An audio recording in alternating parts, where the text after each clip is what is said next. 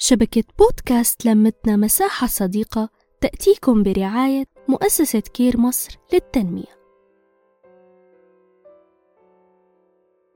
السعادة لقلوبكم ولأوقاتكم. معكم إيمان.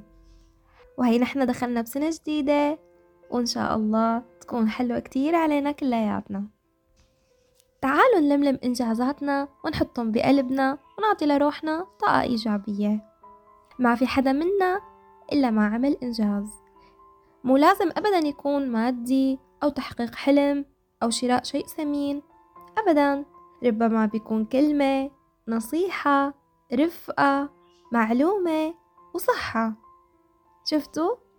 الكل بخلال ثواني جمع كمية كلام ومشاعر أو فرح أو حس إنه هو عمل أشياء حلوة كتير بالسنة الماضية.